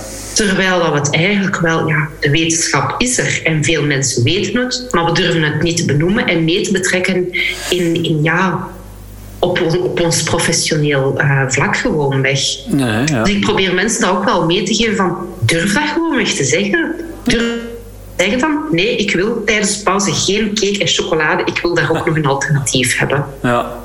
Ja, nee, nee. Ja, ik, ik, uh, ja, ik, ik ben niet... Uh, ik, ik ben daar wel. Uh, ik ben niet de persoon die uh, bijvoorbeeld meegaat in het uh, hele verhaal van suikerverslaving. Ik bedoel, als, uh, dat, dat hoorde heel vaak. Ja, suikerverslaving, suikerverslaving. Wat hij gezegd van oké, okay, suiker geeft u effectief kortstondige energie, maar -hmm. dan daarna wel een diep. Uh, maar, maar de, de, het gegeven suikerverslaving. Als je verslaafd bent aan iets, ga je uh, er meer van willen, maar ga je dus ook op zoek naar de meest pure vorm van. Ja, ja. Um, om, om, ja maar wij, niemand van ons gaat naar de supermarkt om een pakje suiker te gaan halen en dan lepeltje suiker te... Ik mag dat hopen, ik mag dat hopen. maar, ja, maar dan zouden we, moest dat wel zo zijn, dan ga ik maar al te graag mee in het gegeven, we, zijn, we kunnen een suikerverslaving hebben. Het is juist de hele voedingsindustrie, waar natuurlijk zo heel veel geld in, in omgaat, om het mooie papiertje, het krakerige, crispy papiertje, maar ook het crispy zijnde van de combinatie van vet en suiker, die het dan eh, ja, zo lekker maakt en zo krokant en zo, ja. hè, en noem maar op. Ehm, ja, dat speelt allemaal mee. Maar, maar, om nu te zeggen dat we, dat we uh, suikerverslaafd kunnen zijn, dan, dan ja, daar, daar, ben ik, daar, ja, wat, daar ben ik dan ook uh, te genuanceerd in om daar uh, wat nog wel, wat mij ik ben er wel gematigder ook in geworden, denk ik. Maar vroeger kon ik daar me echt um, was een van de redenen waarom ik ooit uh, ben begonnen met wat ik, wat ik doe. Om, om echt, ik heb heel veel wetenschappelijke artikels gelezen. Ik ben heel blij dat ik dan op een gegeven moment in, uh, met een, in contact ben gekomen met een wetenschappelijk bureau. Die echt, uh, opleidingscentrum waar ik ook heel veel van mijn opleiding heb gevolgd. Die dat dan eigenlijk voor mij doen. Dat ik niet te veel echt die, die onderzoeken nog moet, ja, ja. Wat, wat, klopt er nu, wat klopt er nu niet. Zij doen dat. En ik weet dat, dat door het feit dat ik daar opleiding heb gevolgd en zij heb zo'n een, een, een oud-studenten kunnen daar in een systeem stappen dat aanpassingen uh, tot bij jou komen. Ja, ja. Uh, dus dat is voor mij zo, zo waardevol. En, en ook zij, zij vechten tegen heel dat ding van, van ook uh, heel de, al de hormonen en, en bijvoorbeeld bijkomen, afvallen. Hè. Nu, ik, ik zie daar veel minder op op dat ding, maar ook daar, um, ja, de energiebalans, wat komt er? Hè? Elk pondje gaat door een mondje, de energiebalans, wat gaat er in en wat wordt er verbruikt? Is gewoon leidend op het gebied van afvallen of bijkomen. En dat wordt ook zoveel, al dit en hetgeen. En ook zelfs experten en artsen en, en, en de mhm. boeken worden er geschreven. Worden, oh man, dat, dat is toch voor mij... Ik zeg het, in, en ondertussen denk ik dat ik dat ook ja, achter mij heb kunnen laten om mij daar echt nog echt druk in te maken. Terwijl ik ja, heel veel harder wel deed. En oh, en dan wou ik dat echt, eh, de wij, dan wou ik dat, dat tegendeel kunnen bewijzen en zo goed. Uh, lijst me een boek en daar, staat, daar, daar zijn heel veel van die uh, dingen, zou ik dan zeggen, die, die ik daar dan voor, voor, voor eens en voor altijd heb gecounterd. En dan ja. trekt de plan ermee. Of niet. Allee, als wat. Zeg, um, je hebt er straks gezegd, ik uh, doe ook, uh, of ik organiseer ook inspiratiereizen. Dat, uh, ja. dat, dat, dat, triggert mij en ik weet ook, en ik geef jou graag een, met heel veel plezier een podium tussen aanhalingstekens. Ehm, want jij organiseert heel kort, het is kort dag. Uh, als deze aflevering online uh, verschijnt, uh, is het een tiental dagen later of zo, als ik me niet vergis, dat, dat, dat mensen nog mee kunnen naar IJsland. Ja, ja. Ehm, dus wat, vertel, tel me about, want het, het, het, triggert mij wel en het is... Ja, ja, het is eigenlijk gekomen vanuit mijn innovatietraject, CESEL-traject moet ik echt wel zeggen, beginnen zeggen. Um, Waar ik heel erg op focus is om mensen te laten inzien dat als je een probleem hebt, je kan dat op abstract niveau trekken. En vaak is er in een andere sector een, uh, al een oplossing bedacht voor dat abstract probleem. Ehm, ik geef een voorbeeld. Ik heb een aantal jaar geleden in sociale woningbouw in Nederland gewerkt. En wat was een abstract probleem? Dat ze vraag en aanbod heel moeilijk konden matchen. En we zijn dan gaan denken van, ja, maar in welke sectoren zijn ze heel goed om vraag en aanbod goed te matchen? En zouden we daar eens ons oren te luisteren gaan leggen om daarvan te leren? We kwamen uiteindelijk bij dating sites. Die, die groep is bij dating sites echt gaan luisteren van hoe werken jullie, wat zijn de principes erachter. En die hebben dat kunnen gebruiken als inspiratie voor hun eigen problemen in de woningsector. Ehm, nu, wat ik zag in die trajecten is dat ik daar op dat Ga ik hier buiten nu mijn eigen sector gaan kijken? Ga eens kijken welke trends er zijn in de wereld. Heel erg moest voeden, moest komen met inspiratie. En na een paar jaar had ik zoiets van: oh my god, ik kom hier altijd met mijn, kou, mijn oude voorbeelden. Ik moet mezelf gaan vernieuwen. Ehm, en een beetje in het wilde weg is toen het plan ontstaan om zelf inspiratietours te gaan organiseren. Ja, en wat is dan de eerste plek dat je begint? Dat is San Francisco, Silicon Valley, de hotspot van innovatie. Nu gaandeweg zijn er verschillende bestemmingen bijgekomen, in Europa ook, uh, buiten Europa. En sinds 2019 ga ik nu naar IJsland. Uh, en je kan zeggen van, waarom IJsland? Waarom nu precies? Voor mij is dat het Silicon Valley van Europa. En misschien zelfs nog beter dan Silicon Valley.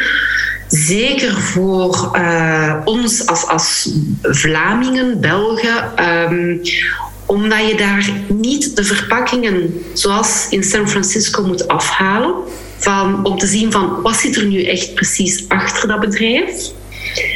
Um, het is een land waar dat mensen echt die nieuwe technologieën omarmen en niet zien als een bedreiging.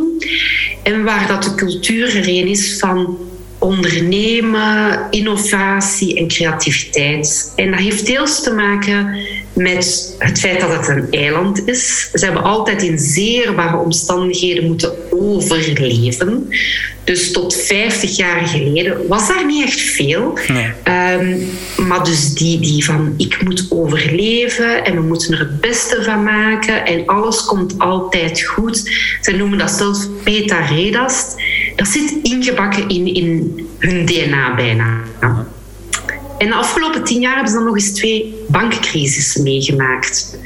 Um, dus bijna alle ondernemers dat je daar spreekt, die zijn twee keren hard op hun bek gegaan.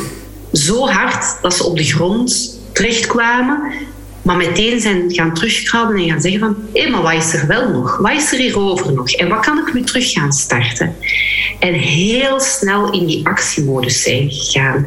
En niet wat dat wij typisch doen is van oh ja, misschien zouden we dat kunnen doen, maar laten we toch nog eventjes afwachten en nog even uitstellen en, en wat als en ja maar. Je ziet dat daar dat doorpakken en dat enthousiasme en durf, ja, dat is gewoon echt typisch IJslands. En dat geeft enerzijds inspiratie in wat dat ze doen, maar ook vooral in hoe dat ze het doen. En ik heb dat al verschillende keren gezien, hoe dat, dat ondernemers en managers inspireert om nadien ook door te pakken in hun eigen organisatie. Um, dus dat is eigenlijk de reden waarom dat ik naar IJsland ga en nu dit jaar van 8 tot 14 mei uh, een groep, niet heel groot, uh, meeneem naar die plek waar dat er zoveel gebeurt. Um, en een tweede gegeven is ook, ja, IJsland is ja, prachtige natuur, ja. maar daar maken we gebruik van. Uh, want dat heb je bijvoorbeeld in veel plekken, zoals Silicon Valley niet. Daar is er de gehaastheid en het tempo ligt heel hoog. Soms moet je bewust vertragen. En IJsland, de natuur, laat je bewust vertragen. Waardoor dat je echt van je bedrijf, die een dagelijkse hectiek, kunt afstand nemen en zo terug dat grotere plaatje eens krijgt van maar waar wil ik naartoe gaan met mijn organisatie, mijzelf als carrière, in mijn leven. En ja, dat, dat is een geweldige combinatie, heb ik al gemerkt. Uh, dus ja, ik ben verliefd op IJsland. En uh, als ik mensen meeneem, dan weet ik dat ik dat, dat vuurtje voor dat land ook mee kan geven.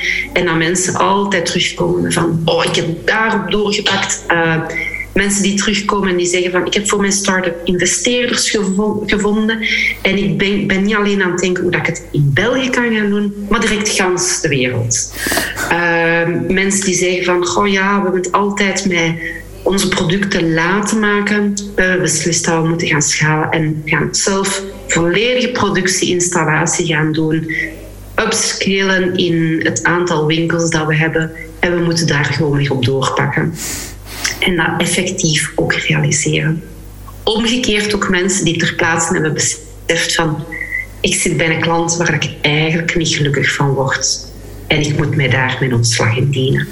Mhm. En dat klinkt heel drastisch voor de buitenwereld, Maar als die een mens dan drie, drie weken later naar u belt en zegt van... Sarah, ik heb de sleutels van mijn auto ingediend, ik heb mijn ontslag ingediend en ik ben kei gelukkig. Ja, ja, beste beslissing. Ja, daarvoor doe je het toch gewoon. Dan, dan word ik enthousiast. Ja, ja. ja. ja, Oké, dus um, redcezelinspires.com als ik mij... Of, ja, ja redcezelinspires.com slash IJsland. Slash IJsland. En anders gewoon naar mij eventjes bellen of mailen. Ik veronderstel dat dat ergens wel uh, ja, ja. in een disclaimer hier uh, kan vermeld worden. Um, mm -hmm. Nee, nee, wel. Uh, ja, dus heb de nood aan, hoor je dit? Nood aan er even tussenuit en vooral geïnspireerd raken en achteraf krachtiger uh, terugkomen en volle bak de actie in kunnen, dan uh, kun je, kan je nog mee. Ja, absoluut. En, en uh, het is ook zes dagen lang mijn brein stelen. En ook de kennis en ervaring van de andere ondernemers die meegaan. Want dat, is, dat mag je zeker niet onderschatten. Het kunnen sparren op een erg hoog niveau met andere mensen. Ja, um, ja dat is gewoon leuk. Ja, ja. Um, Oké.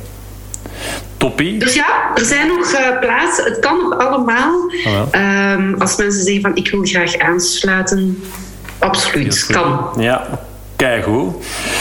Um, ik heb ook nog een uh, rubriek in deze podcast, want we zijn ondertussen toch ook weer al een heel uh, eindje ja. onderweg.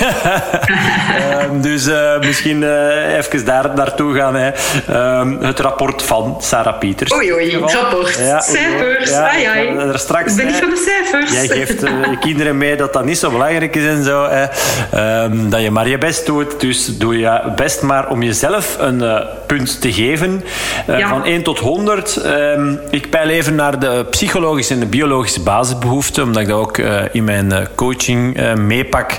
Omdat als je daar niet positief in bekrachtigd bent, dan ben je aan het overleven. We hadden het daarnet ook over de IJslanders die lang hebben echt overleefd. En dat is dan vooral misschien te maken met biologische basisbehoeften, de natuur en de, de omstandigheden daar. Um, maar we hebben ook psychologische basisbehoeften, die, hebben, die komen uit, uit heel, heel goed gefundeerde zelfdeterminatietheorie hadden wij die psychologisch, die hebben gemaakt dat wij als mens dominant zijn geworden op deze soort. Dat wij hier. Uh, uh, dus even belangrijk. Uh, je mocht ook één joker inzetten, mocht je dat willen. Want er is één biologische basisbehoefte waar niet alle mensen graag over spreken. Goed komt ze biedt wel. Wordt wel duidelijk. Beginnen met de psychologische basisbehoeften. De allerbelangrijkste, wij moeten tot een groep behoren, anders hadden wij het niet gehaald van de sabeltijgers, eh, de leeuwen, eh, de mammoeten en noem maar op. Ehm, verbinding. Binding.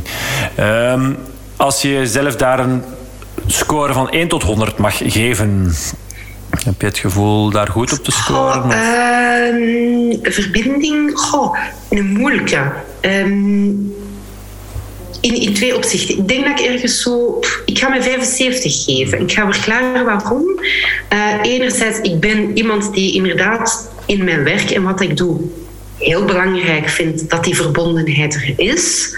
Uh, en ook opzoekt, um, ook naast het werk of zo. Um, ik, vind, ik heb liever een paar goede vrienden, maar waar dat een, een diepgaande verbinding is, dan heel veel kennissen. Mm Dus wat dat betreft denk ik dat ik heel hoog score.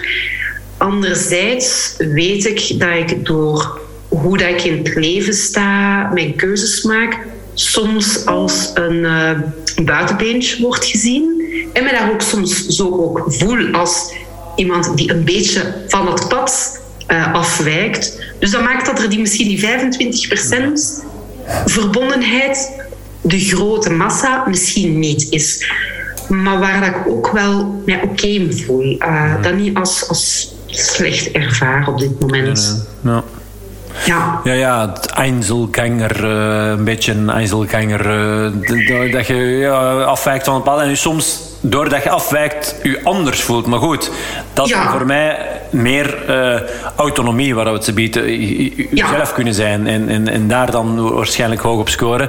Um, en, en de verbinding is echt gewoon u thuis voelen en uzelf, ja, eigenlijk tot een groep behoren. Bepaalde groepen. Uw gezin, familie, paar. Ja, ik denk dat ik dan wel hoog score. Ja, ja, ja, daar zeker. Ja, ja. Right. Uh, binnen die groep ja, moesten wij als mens uh, altijd ook gewoon uh, tonen dat we iets in onze mars hadden en iets bijdroegen aan, aan de groep.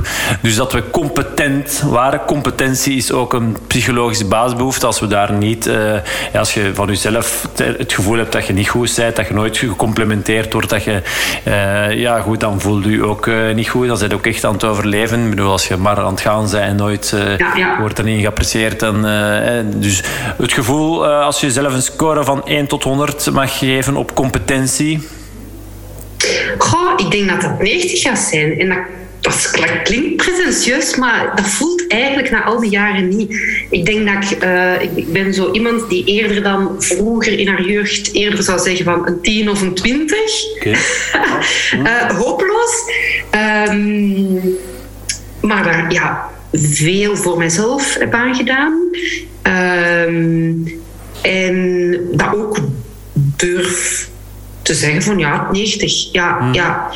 Um, ik ben ook iemand die uh, als andere collega's uh, in een samenwerking een compliment geven, dat echt durft te aanvaarden en te zeggen van Ah, wel, ik ben blij dat je dat zegt. Uh, het is leuk om te horen. En, en dat bekrachtigt ook dat ik, dat ik geloof waar dat ik mee bezig ben, dat ik dat goed doe. Gewoon weg. Ja. Nee, maar dat is leuk, hè. Dat, is, dat is heel belangrijk.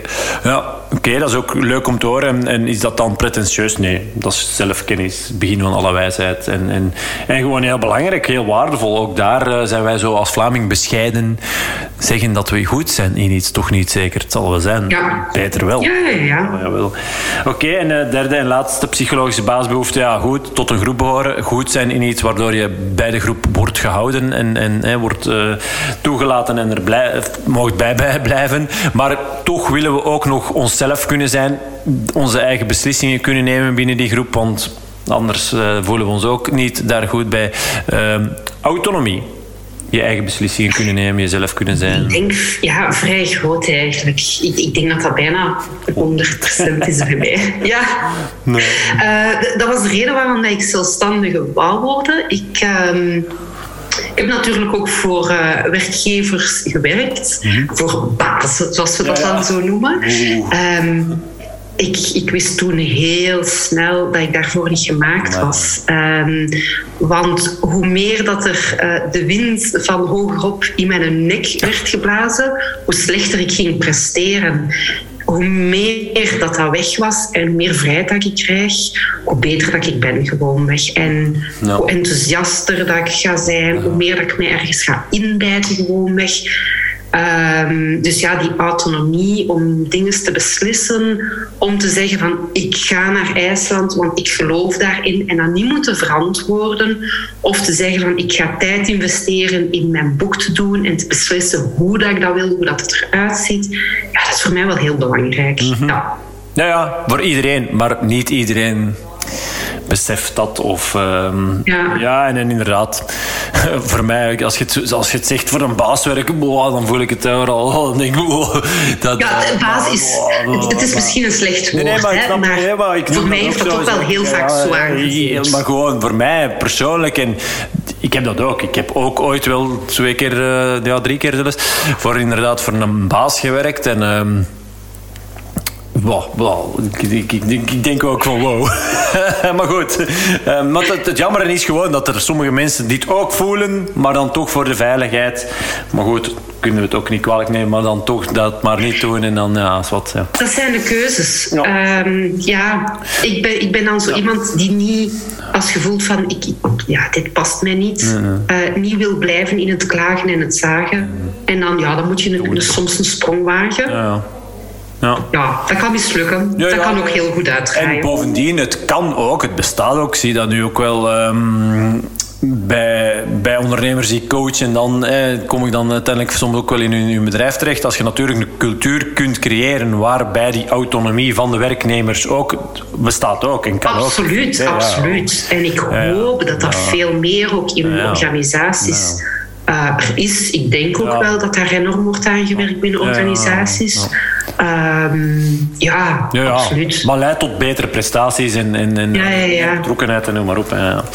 Alright, top. Maar dat, is een, dat zijn mooie scores. Dat is goed. Dat is, dat is uh, blij om te zien. We hebben ook biologische basisbehoeften. Voeding.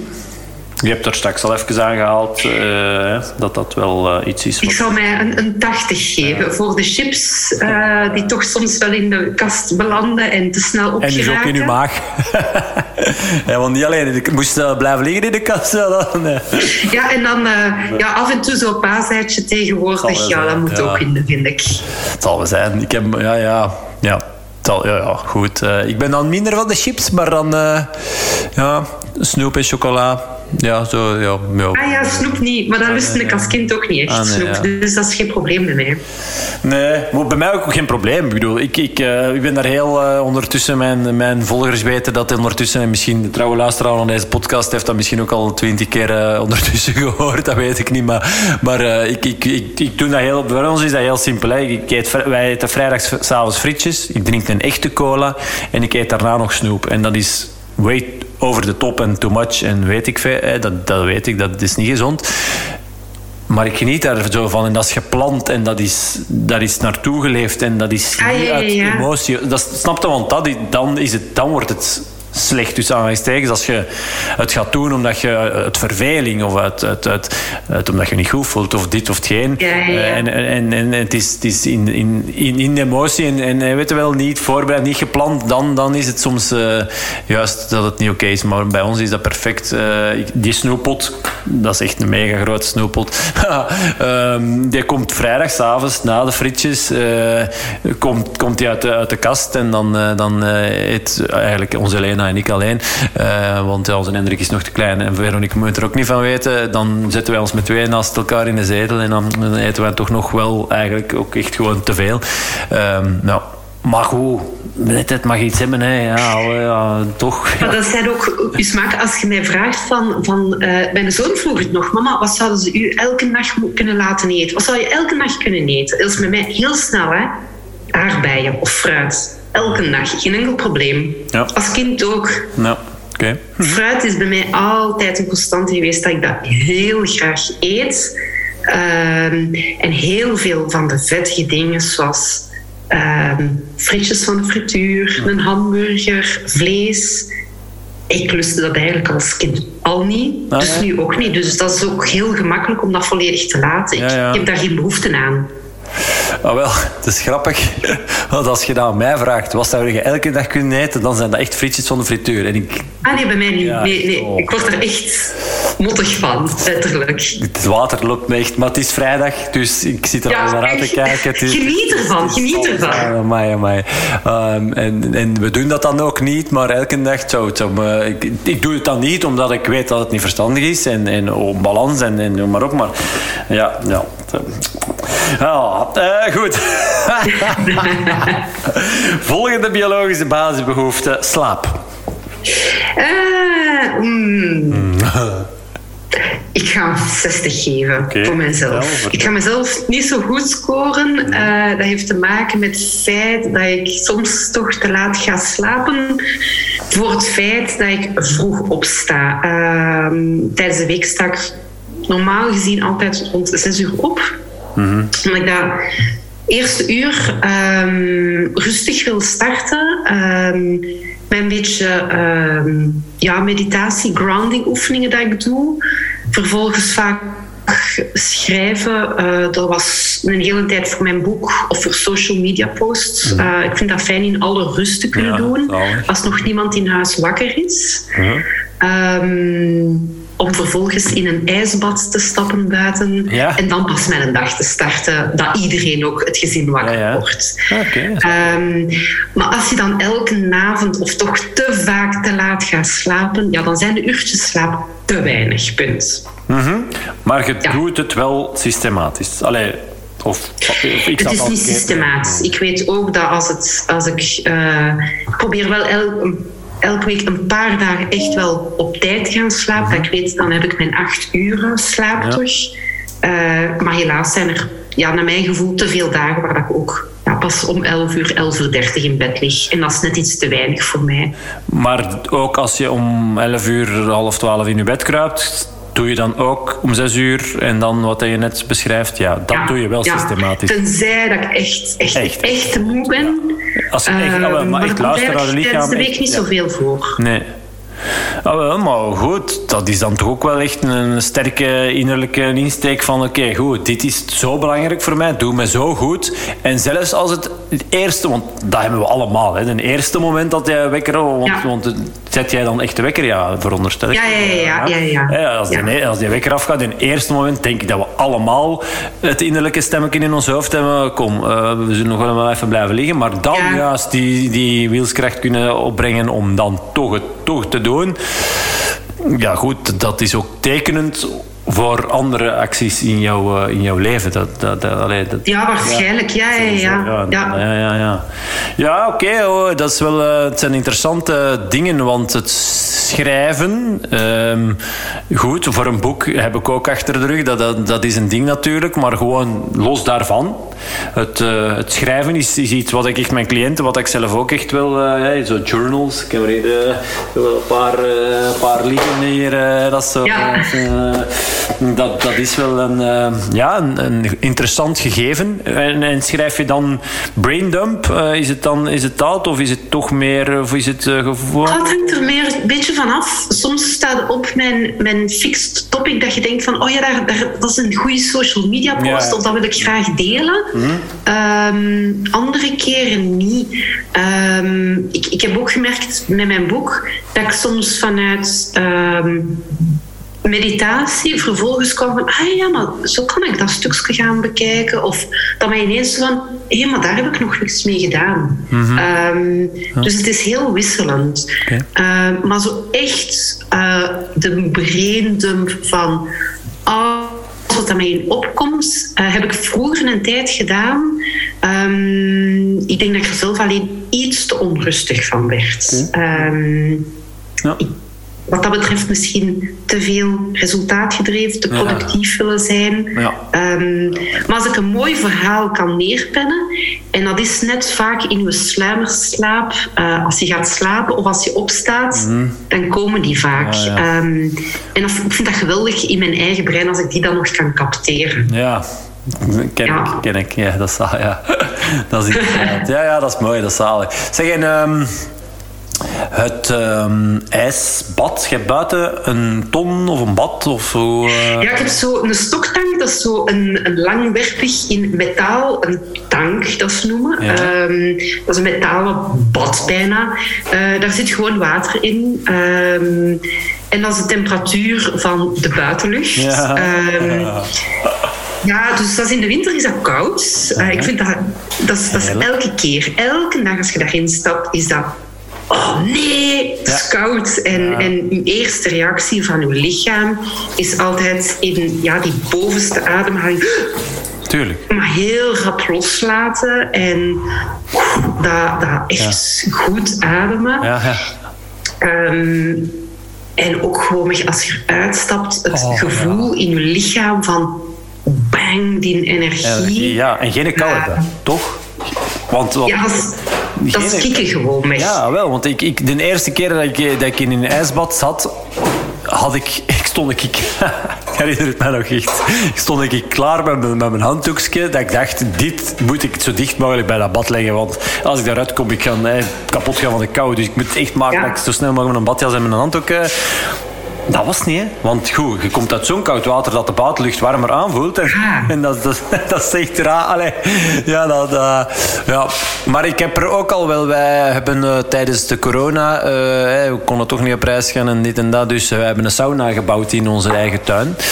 En ik heb ook al wel eraan aan het denken geweest om zo'n... ja, maar ik weet nooit, nooit niet goed hoe dat ik dat dan concreet... Welke tank en hoe dat, dat er dan moet gaan uitzien. En, en dan moet dan ook niet zo'n plastic... Dan moet dan iets, ja. iets met cachet, iets moet, het moet iets, iets, iets, iets hebben, hè, dat vind ik dan. Maar we hebben er ook al wel over nagedacht om, om dan achter de sauna zo'n zo soort van oud paddenpootjes of zo'n zo'n zo'n tank of zo'n soort, weet ik veel, iets. Ja, ze noemen ja. stoktank. En het is iets Amerikaans, dus ze worden op verschillende plaatsen verkocht. Mhm. Verschillende groottes ook.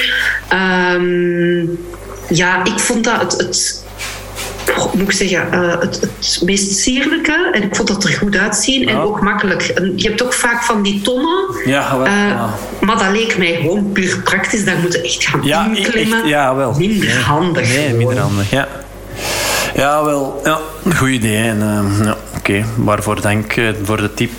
ja, oké. geweldig. Um, toch nog één ding, want ik, ik, ik, ik het. Uh, zeg, als je wilt afronden, dan zeg vrij het is genoeg geweest dan alle drie, want ik heb nog drie psychologische basisbehoeften. Maar goed, je, geeft zoveel interessante dingen bij dit. We zitten nog altijd bij de slaap. Ja, ja, ja.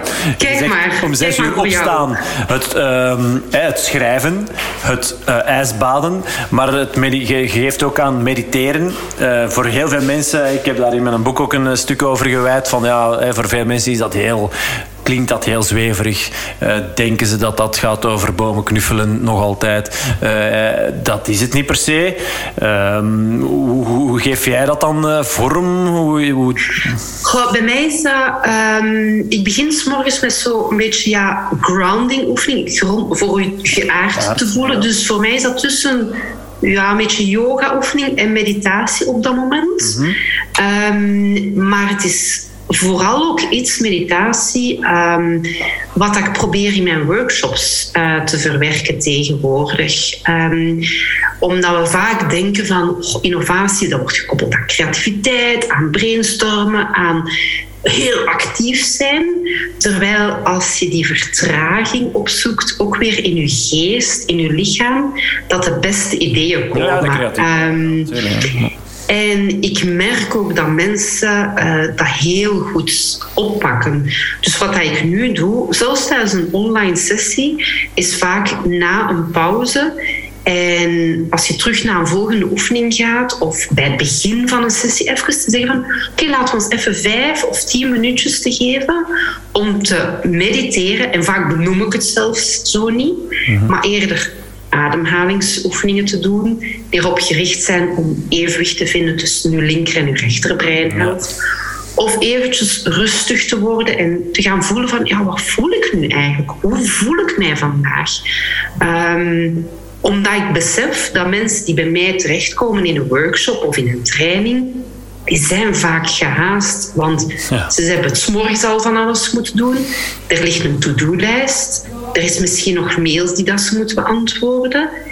En ik wil net mensen hebben die eventjes dat allemaal kunnen parkeren. En dat doe je niet door direct in die actiemodus te gaan. Mhm. Dat doe je door dat te benoemen en even te zeggen: oké, even rust nemen en even ja, ja daar rust in te vinden. Dus voor mij meditatie dat hoeft niet een sessie te zijn van een half uur of een uur. Nee, nee. Dat hoeft niet zweverig te zijn.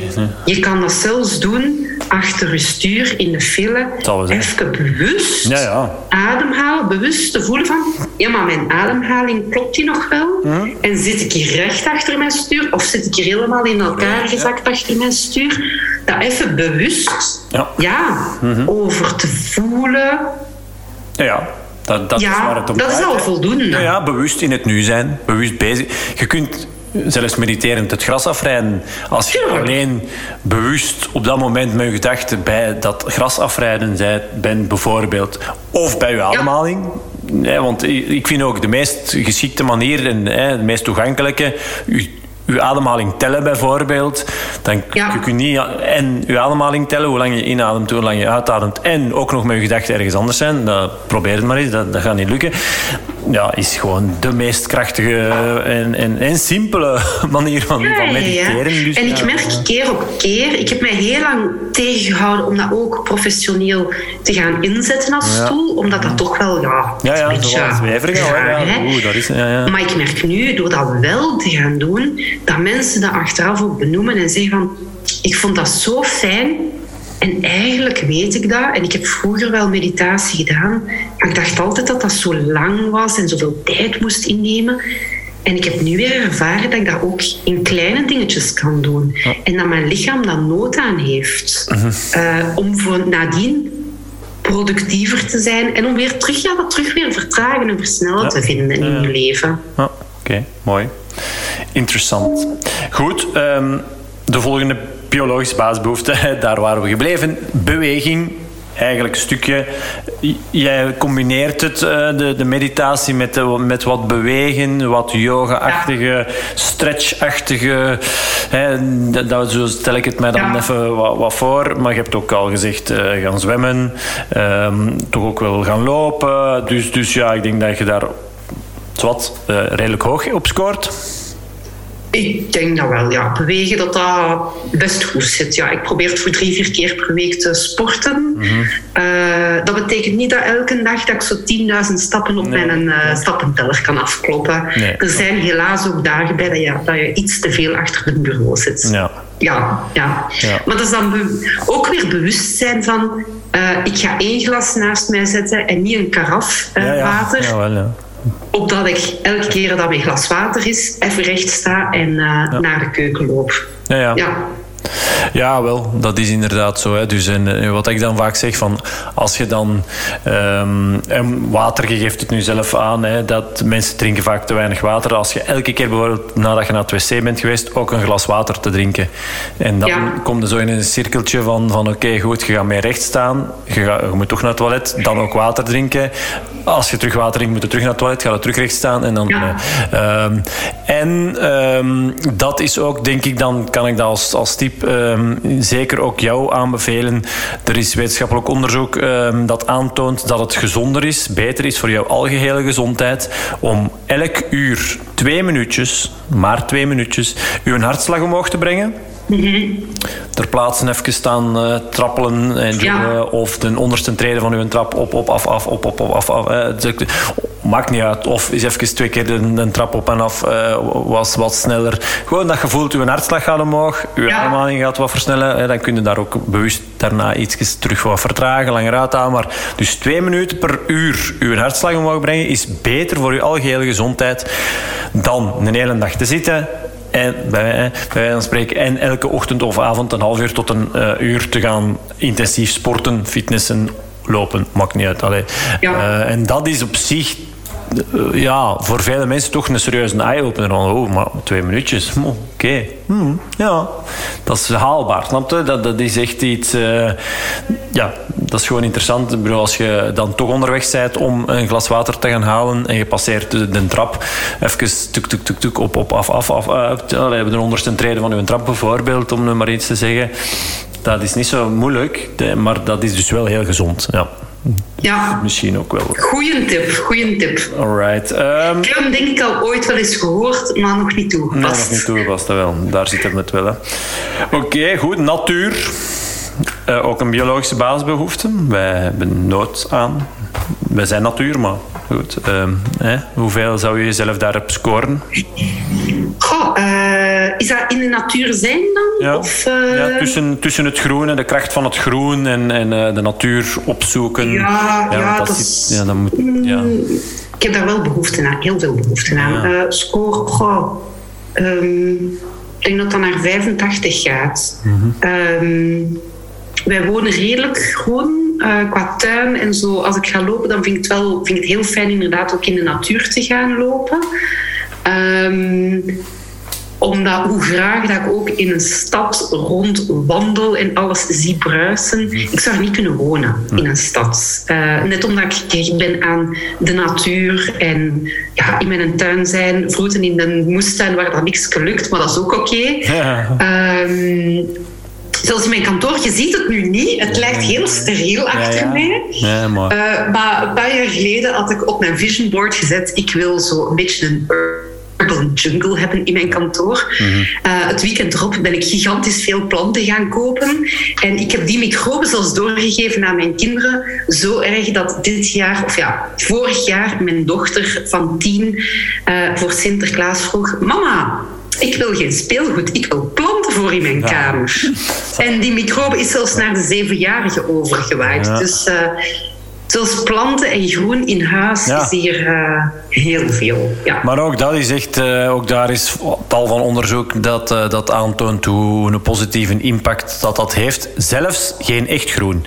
Ik heb dat hier in mijn studio, heb ik zowel aan het plafond daar, als ik mensen wel eens neer laat liggen op hun rug en naar boven laat staren, ademen Ja. bijvoorbeeld soms, ehm, als daar een muur, bos, allee, dus daar als je naar boven kijkt, het kijkt echt precies, dat is echt een foto van tussen de bomen dat je kijkt en ging er ook... eh, en ook dat, zelfs dat is voldoende. Ah, oké, dat wist ik niet. Ja, ja dus dat, dat, ons, onze, ons systeem maakt daar geen eh, onderscheid van. En daar zijn echt ook weer al... eh, maar oké, als ik daar kijk en oké, ik zie ook de echte, de echte bomen hier eh, als ik buiten kijk.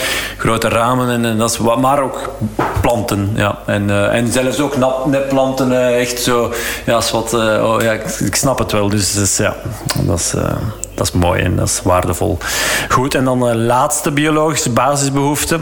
Eh, anders hadden wij ook niet overleefd en de sterkste soort op deze planeet geworden. Voortplanting, met andere woorden, seks. Oei, oei. Je mocht niet Had ik een joker? Je mocht een Nee, ik ga hem inzetten, inzetten. Eh, oh my god. My god, Vrij, wat komt er nu af? Wat zeg je? My god, Vrij, wat komt er nu mee af? Ja, dat vind ik nu ook wel zin. Hè. Ha, eh, zullen we dan maar de gemiddelde Vlaming 70% geven? Eh, we zijn te moe en soms te weinig tijd. Ja, ik weet het niet. Ja, want ja, we moeten is- op tijd gaan slapen. Ja, ja, maar, Ja. ja. ja, Ik weet, ja. Ja. Hey, want want, want oké, los van... Maakt me wel benieuwd. Ehm, jij staat om zes uur op. Uw partner, hoe blijft jij dan nog liggen? Die blijft meestal nog een uur liggen. Die stapt wel. Die heb ik ook eh, mee in het eh ijsbadverhaal getrokken. Dus die doet dat ook. En die is eh, daar ook verslaafd aan geworden. Ja, oké. Eh, maar die is, dat is eerder een avondmens. Ja. Dus die gaat heel laat slapen. Ehm, dus ja, die, die, die gaat later slapen dan mij. Heel vaak. Ja. Ja. Waardoor dat er dus minder seks plaatsvindt natuurlijk. Want als jij Helaas, vroeger ja, in de bed ja, komt, dat is ja. vroeger, ja. Tja, het is wat het is. Je hebt toch is kinderen, wat het is. je hebt toch Ja, kinderen voort, het is wat het voortgebracht. is. Er zijn eh, gelukkig al twee mooie kinderen. Dat is mee. al genoeg voor mij. Het is dan mee, ja. Ja, ja. De opvolging is verzekerd. Nee, oké, goed. Ehm, is er nog iets wat ik jou niet gevraagd heb, wat ik jou had moeten vragen? Nee, ik denk dat er al heel veel aan bod is gekomen. Hè? zijn, ja. Maar, maar goed, ja. Of maak nog reclame. Ja, oké, de IJsland inspiratie Ja, en ik zou zeggen maar, eh, voor mensen die eh Ja, hier leuk vinden. ik kan daar een foto Eh, ineens van trekken. Ik heb daar straks... eh, Ah, super. maar dat had jij niet gehoord. Eh, ik zei daar straks, als jij hem liet zien, ik zeg, Sarah, kom aan. eh, ik kan daar een foto van trekken, maar jij wordt Ah, oei, die heb ik niet gehoord. Nee, nee, goed. Eh, Ehm, boek, ja. Nee, ik dit, dit ah, dat kan ik nog, nog misschien als afsluiter. Dit is het boek, het boek voor ondernemers en managers om in uw badkamer te leggen. Ehm, Waarom? Omdat Heerlijk. waar is de leukste plek om een boek te lezen? In uw bad. La, in uw bad. Maar wie doet er dat? Niemand. Ah nee, want de bladen worden altijd nat en dan is dat met boebeltjes in en zo. Uh-huh. Dit boek kan dat wel, want het is gedrukt op stonepaper, steenpapier. Dus het is volledig waterproof. Ehm, dus je kunt het zelfs spetters of volledig in je bad Echt? Eruit halen en het is nog volledig intact. Dat is grappig. Ik, ik had eh, vanmorgen, eh, deze voormiddag, had ik hier een cliënt. ehm, ehm, en effectief, ze krijgen zo, al mijn cliënten krijgen zo'n zo, zo, zo'n geel boekje mee. En, eh, en goed, het ging over schrijven en inderdaad. En, en, ehm, en hij gaat elke ochtend ook in bad. Niet buiten, maar eh, wel staat er vroeger voor op om echt lang in zijn bad te kunnen zitten. Goed. Ehm, anyway, eh, en ik zei van, ja, goed. hè, het ging dan ook over twee minuten allemaal. Hop, allee, is goed. Ik zeg, joh, maar uw boekje, hè, doet het dan in uw bad? Ja, maar papieren en bad... Komt niet goed, man. Ik zeg, ja, ik weet toch niet. Allee. Maar goed, dit is heerlijk. hè. Er bestaan notitieboekjes ook van, hè? in zo'n pa- en daar kun je op schrijven. Ja, je kan erop schrijven, ja. Dat is toch wel straf. Ja, oké. Zalig. Ja. Oké. Dus... Het was ook een keuze voor mij om dat te nemen, omdat het eh, ja, beter is voor het milieu. Eh, geen bomen worden ervoor Mhm. gekapt, eh, geen water, geen chemicaliën, eh, minder energie voor nodig. Ehm, dus het was buiten het feit dat Ja. het praktisch is, ook voor mij een innovatie qua Ook- ja, ja, duurzaamheid. Ehm, ja. Mooi. Alright. Zezelen, het nieuwe innoveren. Ja, absoluut. Van Sarah Pieters. Zoek het op. Haal het in huis, zou ik zeggen. Goed. Sarah, uh, dikke merci voor jouw uh, tijd. Het was heel uh, boeiend, interessant. Dank Jij ook. Super bedankt voor mij als gast uit te nodigen. Heel leuk oh, gesprek.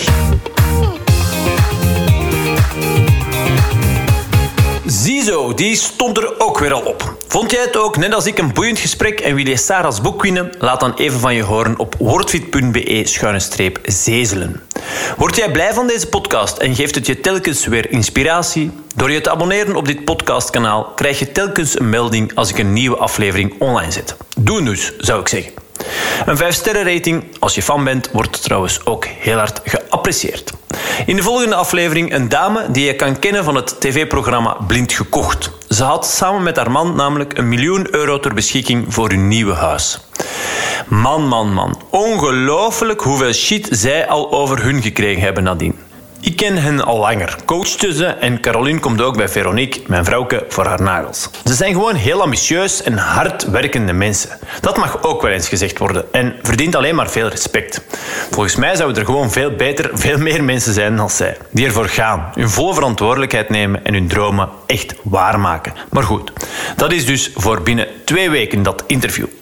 Voor nu, bedankt om te luisteren. Zorg er vooral zelf voor dat jij een episch leven kan leiden, dat je je laat tegenhouden, door wie of wat dan ook, om je mooiste verhaal te schrijven. Voor jezelf, maar ook voor je naasten. Als je hierbij hulp kan gebruiken, laat dan van je horen. Dat is nu eenmaal wat ik doe. Ik hoor je wel. Tot snel. Bye.